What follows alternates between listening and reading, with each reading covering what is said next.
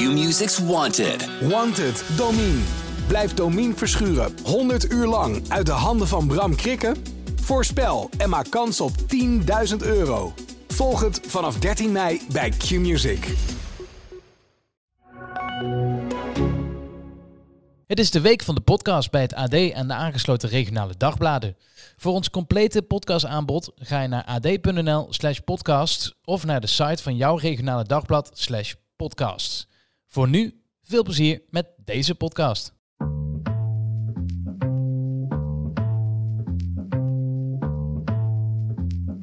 De toezichthoudende rol van de provincie houdt een beetje in. We staan op de dijk en we kijken ernaar. Zeeland is in rep en roer.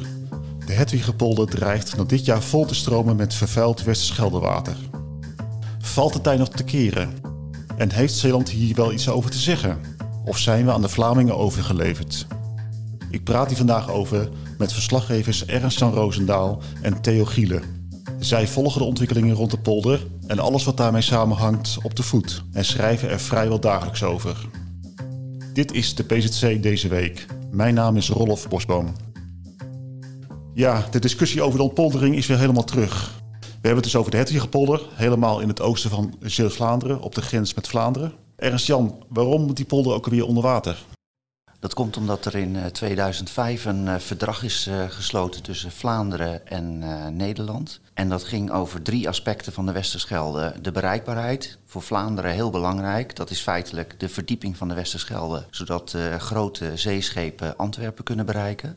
De natuurlijkheid, de kwaliteit van de Westerschelde uh, is de afgelopen tientallen jaren achteruit gekacheld. En natuurbewegingen, zeker ook in, in Nederland, vonden dat de natuur uh, verbeterd moest worden. En dan kom je bij die ontpoldering, want het moest estuarine natuur zijn, oftewel buitendijkse natuur waarbij het zoutwater over het land kan stromen bij vloed. En dan het laatste uh, deeltje wat ze geregeld hebben was de veiligheid.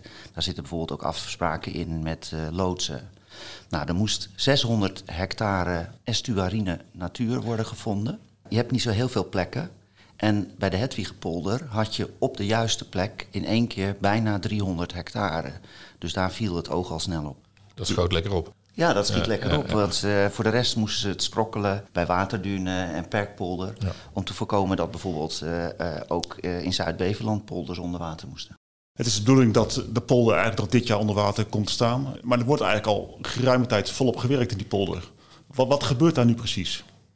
Ja, ik heb er een paar weken geleden rondgelopen. En dat was omdat ik een kijkje mocht nemen bij een aantal wetenschappelijke proeven die daar uh, plaatsvonden. Het leger is bijvoorbeeld aan het kijken of ze uh, een ponton kunnen gebruiken uh, als er een dijkdoorbraak is. Vlaamse wetenschappers zijn aan het kijken wat er gebeurt als je continue stromen water op de dijk gooit.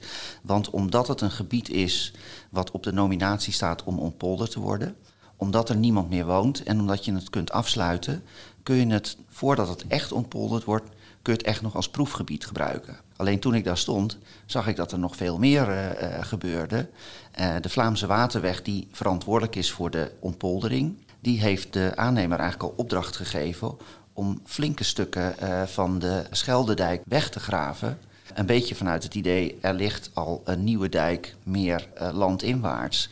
Maar dat betekent dat ze een heel eind op weg zijn met het afgraven van de dijk. Ja, er komt nog bij dat als je kijkt naar dat landschap, de oude polder al wel verdwenen is. Dus de, de statige lanen uh, met de rijen populieren, dat is allemaal uh, ondergeploegd. En ja, mijn indruk was eigenlijk van uh, alsof ik op een, een slagveld in, in de Eerste Wereldoorlog stond. Inclusief bomkraters waar water in stond. Echt een enorme bende. En hoe, hoe ervaar je dat op zo'n moment? Want ik ben een paar jaar geleden voor het laatst geweest op een mooie zomerdag. En dan sta je op zo'n Schelderdijk en dan kijk je over het gebied heen met al die populieren. En toen vond ik het een soort, soort klein paradijsje. Is het contrast dan niet heel groot met, met wat je dan nu ziet? Ja, dat is enorm. Kijk, ik heb uh, die, die besluitvorming aanvankelijk vanuit Den Haag gevolgd. En dan had ik best wel begrip voor dat idee van natuurontwikkeling.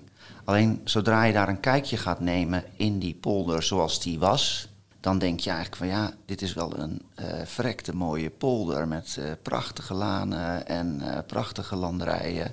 Dan is het contrast wel heel groot, want het ziet er gewoon uit als een heel mooi landschap wat vernietigd is. Van de andere kant is het niet helemaal eerlijk om het situatie nu te vergelijken met toen. Want het is nog in ontwikkeling natuurlijk. Het, het moet natuurgebied worden. Dus je kan niet nu een eindoordeel vellen daarover. Dat klopt. Het is wel zo dat als je op de dijk gaat staan en je kijkt in het Sieperduinschor of je kijkt mm -hmm. naar Zaaftingen, weet je wel ongeveer hoe het eruit gaat zien. En dan weet je wel dat het een soort uh, rietvlakte wordt. Ja. Wat nog steeds natuurlijk iets heel anders is dan een mooie polder met lanen. Ja. Maar goed, het argument was toen, we hebben polders genoeg en dit soort gebied hebben we heel weinig. En daar kan ik me ook iets bij voorstellen. Als je natuurlijk uit berekeningen blijkt dat je plekken moet hebben voor broedvogels, dat er uh, bepaalde planten en dieren daar uh, nodig zijn en dat daar ook min of meer een Europese verplichting achter zit. Niet zozeer dat Europa zegt het moet daar op deze manier, maar wel dat je gewoon gezamenlijk in Europa hebt afgesproken van we willen een bepaalde soort van natuur daar in de Westerschelde willen we eigenlijk erbij hebben. En er wordt dus al, zoals je net zei, aan die dijk gewerkt. Er is al drie meter afgegraven. Mag het zomaar? Ik vond het heel raar sowieso dat er zo'n groot stuk uh, uit die dijk uh, werd gehapt. Dus dat zijn we gaan uitzoeken. Uh, nou, dan kwam het eerste verhaal van het waterschap was eigenlijk van nou, er, er mag niet veel aan die dijk gebeuren.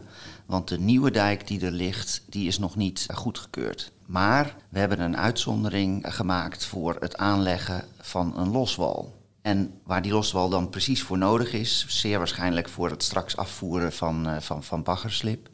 Maar ten eerste ziet het eruit als iets veel groters dan wat je nodig hebt uh, uh, voor een loswal. En ten tweede kun je eigenlijk wel vraagtekens stellen bij of zelfs dat mag. He, in Nederland mag je geen schepje in een dijk zetten in het stormseizoen. Want ja. dan krijg je allerlei instanties achter je aan. Dat is echt taboe. Ja, daar gaat het met grote graafmachines. Ja. Er is van de week wel duidelijk dat het waterschap zich ook zorgen maakt. Nou ja, precies. Want, want meneer Keller, de bestuurder, die gaf aan dat ze toch eigenlijk niet echt een goed beeld hebben wat er, wat er nu gebeurt. En wat hij ook vertelde is dat die nieuwe dijk nog niet af is. Dus die, hij is niet alleen nog niet gekeurd, maar hij is ook nog niet af. Er moet nog uh, bekleding uh, aan de buitenkant komen. Uh, er moet steen voor die dijk gestort worden om als een golfbreker te dienen. Kijk, zolang dat allemaal niet klaar is, kun je die oude dijk niet afgraven. Nee, en dat is volstrekt die, tegen alle afspraken in ja, om dat zo te doen. Hè? Nou, die Vlamingen waren juist heel erg trots dat ze opschoten. Want ik, ik belde ze toen, nadat de gedeputeerde Pijpeling de mededeling in de staat had gedaan dat het werk vlotter ging dan gepland. Ja, zei, ja, februari gaat de eerste drie meter eraf. Voor de zomer uh, wordt die versmalt. En dan na de zomervakantie dan, uh, dan kan de rest uh, weggegraven worden. Dus ja, hoe die communicatie gaat tussen de aannemer slash uitvoerder Vlaamse Waterweg en het, en het waterschap, ja, daar kun je ook wel je vraagtekens bij zetten. Nou ja, en dan hoor je nu hè, dat het waterschap zegt 1 juli is ongeveer de datum dat we denken dat die dijk af is en goedgekeurd. Ja ook heel opmerkelijk natuurlijk, een infrastructuurproject van vele miljoenen, dat uh, zeg maar een half jaar tot een jaar voor ligt op schema. Ja, en dan voeg ik er even nog aan toe, een Belgisch infrastructuurproject wat voor ligt op schema. Het wekt wel enige argwaan. Dat voorliggen op schema werd trouwens weer gerelativeerd. Dat het, het was weliswaar een jaar eerder, maar het is niet 2023, maar 2022. En dat is een kwestie van maanden. Maar goed, dat wordt op een gegeven moment een soort woordenspel ook weer het blijft opmerkelijk dat het, uh, dat het zo hard opschiet ineens. Ja, en, en, dan ga je je afvragen, zit daar iets achter? En dat zou op zich kunnen. Want ja, de kwestie die natuurlijk een beetje speelt, is die ontpoldering. Daar is jaren en jaren is daar tegen gestreden. Allerlei procedures bij de Raad van State. En uiteindelijk in 2018 heeft de Hoge Raad gezegd van nee, alle bezwaren van tafel, het kan nu doorgaan. Nou, zo kwamen ze op een gegeven moment op een uh, streefdatum van zeg maar 2023 verwachten we dat het water in die polder staat. Alleen uh, de hele discussie heeft een nieuwe dimensie gekregen, omdat natuurlijk de afgelopen uh, drie kwart jaar duidelijk is geworden hoe hoog de gehaltes van PFAS zijn in de Westerschelde. Ja, en dan krijg je het idee van oké, maar als we dus die dijken zouden doorsteken, dan betekent dat dus eigenlijk dat we vervuild scheldewater gaan toelaten. Ja, het woord is gevallen, PFAS. We hadden het nog niet genoemd, maar dit speelt natuurlijk een hele belangrijke rol in de discussie. Theo, jij hebt eigenlijk vanaf het begin de hele PFAS-kwestie uh, gevolgd. Een giftige stof die voornamelijk door de Vlaamse industrie in de Westerschelde belandt. Ja. Met alle mogelijke risico's van dien. Op welk moment was voor jou duidelijk dat er een duidelijke koppeling was tussen de hele PFAS-discussie en de Hedwigepolder? Nou, dat schoot maar wel vrij snel te binnen. Want toen uh, duidelijk werd hoe hoog die concentraties waren in de Westerschelde van dat, uh, van dat gif. Dan weet je ook, er is één gevoelig dossier in, in, in Zeeuws-Vlaanderen. Dat is, uh, dat is die Hedwigepolder. Dat water komt daar binnen. Ja, dan valt het O-woord van, van ontpoldering natuurlijk al heel snel. Het is deze week in de gemeenteraad Huls geweest. Dat had eigenlijk, wij spreken al in oktober of in september kunnen gebeuren. Want toen waren die cijfers al lang en breed bekend. Dus het heeft eigenlijk nog langer geduurd dan ik dacht. Ik denk dat dat te maken heeft met dat uh, nieuws, dat die ontpoldering eerder klaar is dan verwacht. Kennelijk werd er her en der toch gedacht van we hebben nog wel tijd, er zijn onderzoeken die lopen. En de uitkomst van die onderzoeken die komt eerder dan wanneer het water in de polder stroomt. Ja. En ineens, doordat er zo'n haast bij kwam, ja, kreeg je een soort omgekeerde situatie van straks staat er water in de polder. Ja. Terwijl er misschien dan nog een onderzoek moet komen dat dat wel eens heel schadelijk ja, zou ja, kunnen die, zijn. Die factor tijdsdruk die nam inderdaad enorm toe. Het is ook wel ironisch dat een project dat juist bedoeld is als natuurcompensatie... in feite een soort milieuaffaire dreigt te worden op deze manier. Ja, van de andere kant, je kan ook zeggen dat hetzelfde water stroomt al uh, sinds mensheugenis uh, Saftingen in en uit. Je kan ook zeggen, wat is het probleem nou eigenlijk? Ik bedoel, er komt een stukje Saftingen bij en het wordt daar niet erger dan, uh, dan het in Saftingen al is. Dat is een beetje cynisch, vind ik, als je zo redeneert. Maar uh, dat is ook een overweging die, die je hoort. De Zeeuwse Milieufederatie zegt van ja, je, moet het allebei doen. Die PFAS moet, uh, moet terug. En je moet doorgaan met die natuurontwikkeling. Het opmerkelijk is wel dat zeg maar, in de hoek van partijen met, met een groot hart voor natuur en milieu, uh, zie je dat daar verschillend over wordt uh, gedacht. PvdA denkt eigenlijk een beetje mee met de Zeeuwse Milieufederatie van het moet allebei. Hè. Uh, we willen zo min mogelijk PFAS in de Westerschelde hebben, maar die natuurontwikkeling moet ook doorgaan. Een partij als GroenLinks, nou, die toch echt op de barricade stond voor de ontpoldering van Hedwigen, die zegt nu, ja, een pas op de plaats. Ja. Want uh, we vinden die vervuiling eigenlijk toch dreigender. Ja, en die waren er vrij snel mee met dat te zeggen. Die, waren, Klopt, ja. die zei dat in de zomer al. Van uh, ho eventjes, let even op wat er met, met de Hedwigen nu gaat gebeuren. Die zijn verder gegaan in hun denken over de Hedwigen. Zonder daarmee overigens te zeggen dat die ontpoldering niet door moet gaan. Maar dat je wel goed moet opletten wat, daar, uh, wat er gaat gebeuren. Ja, en die boodschap hoor je nu overal. Hè? Iedereen maakt zich zorgen. De gemeenteraad van Hulst noemde je al, die de, deze week heel duidelijk stelling heeft genomen. Provinciale staten hebben vorige week een motie aangenomen. Het waterschap is uh, bezorgd. Het blijkt een beetje tussen de regels door. Nou, niet tussen de regels door. Die bestuurder Keller zei het van de week ook duidelijk. We zijn bezorgd over die PFAS. Alleen, wij gaan er niet over. En dat is natuurlijk het grote probleem. In Zeeland gaat men over heel veel dingen rondom PFAS en de, het wiegen niet. Want wie, wie gaat er uiteindelijk wel over? Nou ja, als je het over de Westerschelde zelf hebt, dat is een, een, een rijkswater, zoals dat mooi heet. Dus daar gaat de minister over, om het zo maar te zeggen. Uh, de Hedwigepolder is uh, gebracht onder uh, Rijksinpassingsplan, heet dat geloof ik. Ja. En, en, daarmee zijn alle gewone procedures waarbij een provincie en een gemeente het laatste woord hebben. Ja, die tellen dan niet. Een bestemmingsplan bijvoorbeeld, waar normaal gesproken de lokale overheden zich mee bemoeien. Ja, bij de Hedwig is dat niet het geval. Dus uiteindelijk zullen de antwoorden uit Den Haag moeten komen. En wat is dan zo'n signaal van de gemeente Hulst? En wat is dan, dan een motie van Provinciale Staten van Zeeland waard? Nou ja, het is, het is vooral denk ik uh, publicitaire en, politieke druk... en hopen dat het in Den Haag wordt opgepakt. Kijk, als, als ze in Den Haag lagere overheden serieus nemen... en laten we ervan uitgaan dat ze dat doen... dan is uh, zo'n motie natuurlijk best een serieus uh, signaal. Alleen het is niet een middel waarmee je dingen kunt tegenhouden. Het zal uh, bij de overwegingen betrokken worden. Het zal gezien worden als een signaal. Het is misschien de bestuurlijke variant van we staan met een spandoek in Den Haag. Maar ja, of het echt iets verandert is natuurlijk zeer de vraag. Ja, en, en wat het ook gecompliceerd maakt is dat dat Scheldeverdrag ligt er gewoon. Het is een afspraak tussen Nederland en België dat die Hedwigepolder uh, onder water wordt gezet. Dus die wordt ook letterlijk in dat verdrag genoemd. Dus zelfs al zou Den Haag nu zeggen van stop even dan moet je toch wel heel goede argumenten hebben richting België om het inderdaad ook te stoppen.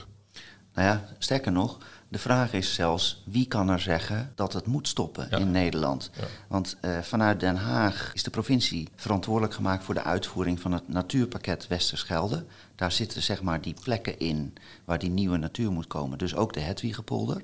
Maar dan is er expliciet in het Scheldeverdrag afgesproken dat Vlaanderen de ontpoldering doet. Ja, zo dus grappig trouwens. Dat als je daar komt, dan staan alleen maar van die borden met Vlaamse uitvoerders. Er staat nergens ook maar één verwijzing naar een Nederlandse instantie of, of een Nederlandse uitvoerder. Het is echt alsof je naar België al, al binnenrijdt. Precies, en, en misschien symbolisch, maar ook de grenspaal is daar weggehaald. Nou schijnt die nog wel op enig moment weer terug te komen.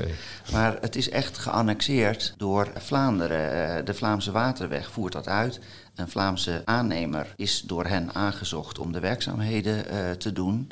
En dat betekent dus ook dat ook als uitvoerder van het natuurpakket Westerschelde de provincie niet kan zeggen: oh, dan stoppen we even met het natuurpakket.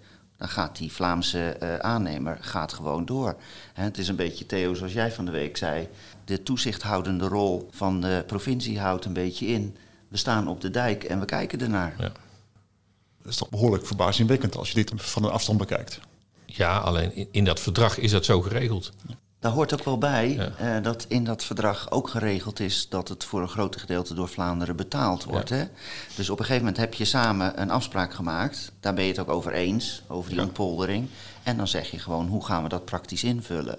Dus op het moment dat er zich geen conflict voordoet waarbij eh, de belangen van Vlaanderen anders zijn dan die van Nederland, dan is het eigenlijk geen probleem dat je het zo hebt afgesproken.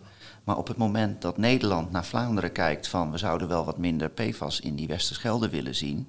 En Vlaanderen naar Nederland kijkt van jullie moeten niet zo treuzelen. Ja, dan ineens Ja. wordt het een beetje raar dat je er geen grip meer op hebt. Ja. Ik denk overigens niet dat, dat die ontpoldering zelf nog ter discussie komt, maar meer het moment wanneer. En je kan die, die ontpoldering en, en die Hedwigepolder nu natuurlijk gebruiken als, tenminste vanuit de Nederlandse kant gezien, als, als middel om Vlaanderen onder druk te zetten om wat te doen aan de, aan de waterkwaliteit van de Schelde. En ik denk dat dat ook een reden is voor een aantal partijen om inderdaad nu te vragen om een pas op de plaats. Ja, gecombineerd denk ik met ook de zorgen van eh, en wat is dat effect van PFAS natuurlijk. Dus met dat pleidooi om die ontpoldering enigszins uit te stellen. En je kunt je zelfs afvragen of het uitstellen is. Hè, want als de planning toch al was 2023, Ja. dan zou je ook kunnen zeggen... als we nou eens eventjes voorlopig op die oude planning gaan zitten... ja, dan heb je wat tijd dat je kunt wachten op een aantal rapporten. Het RIVM is bezig. Er zijn eh, metingen van eh, Rijkswaterstaat. Dan krijg je wat meer duidelijkheid. Dus dan word je er misschien ook iets geruster op als die ontpoldering eh, doorgaat. En inderdaad, de andere kant van de zaak is dat Zeeland de druk graag zou opvoeren op Vlaanderen om eh, die industrieën daar aan te pakken en die Westerschelde schoner te krijgen. Ja, hier heb je wel een drukmiddel in handen. Ja. Maar stelt Zeeland zich daar wel hard genoeg in op? Denk bijvoorbeeld even aan die projectleider die afgelopen zondag in een reportage van Nieuwsuur eh, te zien was. De projectleider namens de provincie Zeeland. Die zegt gewoon van ja, er zal vervuild water de polder instromen. En we houden wel in de gaten of het wel een beetje goed gaat. Dat, daar kwam het op neer. Nou ja, dat is een beetje de illustratie hè, van die rol eh, van we zijn wel uitvoerder of toezichthouder of wat dan ook. Maar goed, we staan erbij en we kijken ernaar. Dat snap ik op zich nog wel hoor, van zo iemand in het veld. Want ja, we hebben net die grotere afspraken besproken. Zoveel kan eh, zo iemand denk ik ook niet doen. De vraag is inderdaad van wie kan er nu daadwerkelijk iets aan doen? En ik denk dat dat eh, op het hoogste niveau zou moeten tussen ministers. En dat eh, Zeeland zijn uiterste best doet om Den Haag in beweging te krijgen. En het is niet zo dat dat per se onwil is in Den Haag. Maar Zeeland zou bijvoorbeeld heel graag zien dat in die hele PFAS-kwestie. Dus dan gaat het niet zozeer over de ontpoldering, maar dan gaat het over het schoonmaken van de Westerschelde. Dat er een regisseur wordt benoemd eh, door het Rijk. Zoals Vlaanderen ook zo'n eh, regisseur eh, heeft. Die kunnen dan sowieso rechtstreeks met elkaar gaan overleggen. Maar dan krijg je een schakel tussen alle overheden en organisaties die er iets mee te maken hebben. En die nu ontzettend langs elkaar heen zitten te kletsen of naar elkaar verwijzen. Van je moet niet bij mij zijn, maar je moet bij mijn buurman zijn. En dan heb je kans dat er in ieder geval iemand komt met een beetje ja, macht om iets voor elkaar te krijgen. Er zijn ook wel lichtpuntjes hoor, want in de internationale Scheldecommissie, en daar zitten Nederland, alle Belgische regeringen en, en Frankrijk eh, zitten daarin. Daar probeert men nu toch alweer tot afspraken te komen om de Schelde eh, schoner te krijgen. Voor de Rijn heeft Nederland met Duitsland afspraken gemaakt, met ook duidelijke doelen daarin. Nederland en Vlaanderen, die, die anderen die wilden er nog niet zo aan, maar Nederland en Vlaanderen eh, hebben dat nu ook afgesproken om, om zoiets voor elkaar te krijgen, zoals het ook voor de Rijn, eh, Rijn geldt. Dus er worden wel eh, voorzichtige stappen in de goede richting gemaakt, heb ik de indruk. In hoeverre is de Tweede Kamer al wakker? Die kan een minister onder druk zetten. Nou, de SGP, het CDA, GroenLinks, misschien vergeet ik nog wel eentje, die, die zijn in de pen geklommen deze zomer. En, en laatst ook weer nou, om de zaak aan de orde te stellen. Alleen het duurt ontzettend lang voordat je echt antwoorden krijgt van, van de minister. Het enige wat, wat wel gebeurd is, was in oktober hebben de Nederlandse en de Vlaamse minister met elkaar gesproken over 3M. Een, fabriek die van Vlaanderen toestemming had om behoorlijke hoeveelheden PFAS te lozen. Nou, die toestemming is ondertussen flink eh, teruggeschroefd. Toen hebben die ministers met elkaar gesproken. En dat was wel een eerste stap in een, eh, in een goede richting, denk ik. Dat het ook in Den Haag eh, wel aandacht had. Alleen daarna is het weer behoorlijk stilgevallen, heb ik de indruk. Maar goed, je weet niet wat er achter de schermen gebeurt natuurlijk. Ik denk dat ze in Den Haag ook een beetje worstelen met het probleem van de ontpoldering zelf kun je niet meer terugdraaien. Is eh, in beton gegoten in eh, internationale eh, verdragen. Maar we hebben wel te maken met die ongerustheid. Ja. En je ziet dat er eh, eh, vragen gesteld zijn, mondeling door de SGP en schriftelijk door het CDA. En er was dus deze week een overleg in Den Haag waar het zijdelings even eh, aan de orde kwam. En daar zei minister Harbers van Infrastructuur en Waterstaat, die zei tegen de Kamer twee dingen. Ik ga volgende week een brief sturen over die coördinatie. Let even op het woord. Zeeland wil graag een regisseur. De eh, minister heeft het over coördinatie. Maar goed, het gaat wel over die kwestie. Kunnen we daar een coördinator of een regisseur eh, aanstellen? We weten natuurlijk nog helemaal niet wat hij in die brief gaat schrijven. Misschien wijst hij het wel af. En hij beloofde met een antwoord te komen op de vragen van het CDA. En het CDA had dus expliciet gezegd... is het niet verstandiger om eventjes te wachten met die ontpoldering... tot er meer duidelijkheid is over de effecten van PFAS? Wat is trouwens het verschil tussen een, coördinator en een regisseur? Nou ja, dat is de vraag. Daarom ben ik ook eh, wel benieuwd naar die eh, brief. Ik eh, vind in ieder geval wel, een coördinator klinkt me wel in de oren als iemand die wat minder in de melk te brokkelen Ja. heeft dan een regisseur. Je vroeg nog even wat er, hoe, het, hoe het leeft in Den Haag. Nou ja, deze week in de gemeenteraad van Hulst eh, werd er nog een opmerking over gemaakt. Als zoiets in de Waddenzee zich had afgespeeld, dan, dan had iedereen op zijn achterste poten gestaan. Terwijl ja, die Westerschelde, dat, dat zit kennelijk toch niet echt tussen de oren als, een, eh, ja, als ook een belangrijk natuurgebied. Dat is eigenlijk heel tegenstrijdig, want je gaat wel zo'n polder tot natuurgebied ontwikkelen. Van de andere kant, eh, die emotie die een Waddenzee oproept, die roept de Westerschelde totaal niet op. Dat is, dat is wel duidelijk. Het, het streven is nu dat, althans van de, van eh, de Vlamingen, om de polder in het najaar onder water te hebben. Dat is eh, de planning nu. Stel dat het toch gaat gebeuren op het moment dat niet volledig duidelijk is wat de risico's zijn van vervuild water in die polder. Wat, wat is het ultieme middel dat Nederland of Zeeland kan ondernemen? Kunnen we naar de rechter of wat staat er nog open? Michiel de Ruiter tot leven wekken. Nee, ik, eh, ik denk weinig. Nee, ik denk ook dat er eigenlijk weinig middelen over zijn. Het is natuurlijk tot eh, eh, de hoogste rechtbank heeft het gediend. Het is wel zo dat oud-eigenaar eh Gerry de Kloet opnieuw naar de Raad van State is gestapt. Omdat hij zegt van ja, wacht eens even. De situatie is nu anders dan toen jullie het beoordeelden en eh, jullie de onteigening eh, goed hebben gekeurd. Ik denk toch dat hij daar een moeilijke zaak zal krijgen. Ja, en als je dan kijkt naar wat voor afspraken er zijn, het ligt vast in een verdrag. Er zijn brieven van eh, de vorige minister van eh, Infrastructuur die aangeeft... we hebben gekeken naar het effect van PFAS als je gaat ontpolderen. Dan wordt die bodem wordt in plaats van een landbodem een waterbodem. Daar zijn normen voor. Die normen worden niet overschreden. Dus je hebt eigenlijk niet veel waar je een beroep op kan doen. Ja, en die polder is er niet meer, hè, in feite. Ik bedoel, je hebt het Ook al beschreven, dat, het is gewoon weg. Het, het is een moddervlakte nu. Er valt eigenlijk niet, niet veel meer te verpesten. Nou ja, wat, wat wel valt te verpesten is natuurlijk dat je niet het eh, natuurgebied krijgt wat je zou willen. Dat, dat is uiteindelijk toch de, de toets die, eh, die het belangrijkste is. Je wilt er een natuurgebied krijgen, maar als dat een, zoals sommigen zeggen, gewoon een soort eh, slipdepot wordt voor de haven van Antwerpen, waar ze nog meer zeg maar, op een natuurlijke wijze van hun slip afraken, zodat ze niet hoeven af te graven en af te voeren, dan schiet het zijn doel wel voorbij natuurlijk. Nou, en ik denk ook dat het ook wel toch helpt als er een pas op de plaats eh, zou komen. Omdat het naar bijvoorbeeld de Zeeuwse burger toe, maar ook naar andere overheden toe, een heel erg moeilijk verhaal is dat je als provincie zegt. Het schoonmaken van de Westerschelde, hè, het terugdringen van de PFAS-uitstoot, dat is ongeveer prioriteit nummer één. En dan tegelijkertijd staan we toe dat een stuk land daardoor eh, vervuild wordt. In welke mate dan ook. Het heeft eh, in die zin denk ik ook een symbolische waarde zoals het een, eh, een drukmiddel richting Vlaanderen kan zijn. Om te zeggen, maak die Westerschelde schoon. Heb je natuurlijk ook een raar verhaal als je zegt van ja, wij vinden dat zo belangrijk. Maar goed, die polder, ja, nou ja, die was toch al weg. Hoe optimistisch zijn jullie over een goede afloop van deze kwestie? Nou ja, de beste afloop is dat, dat die schelde schoner wordt, want dat draait uiteindelijk om. Want als die schelde schoon is, wordt ook het natuurgebied schoon en zal ook Safting op den duur steeds schoner worden. Dat zou de, de goede afloop zijn die je wenst. En als een nieuwe discussie rondom de hetwiegen en wanneer je die onder water kan zetten, uh, daarbij helpt, dan is het meegenomen. Maar als je nou zegt dat de hetwiegen niet vervuild wordt of niet ontpolderd wordt, dan is die hoop niet zo heel erg groot. Of die nu zeg maar dit jaar onder water gaat of volgend jaar. Dat maakt voor het gehalte aan PFAS wat over dat land gaat stromen niet zo heel veel uh, uit.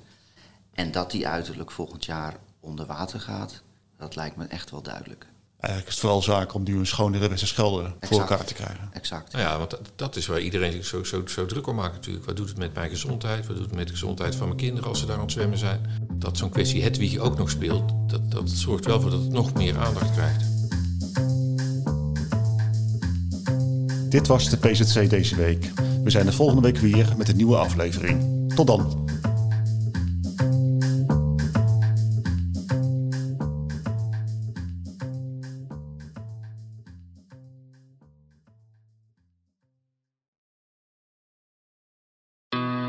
Q-Music's Wanted. Wanted, Domine.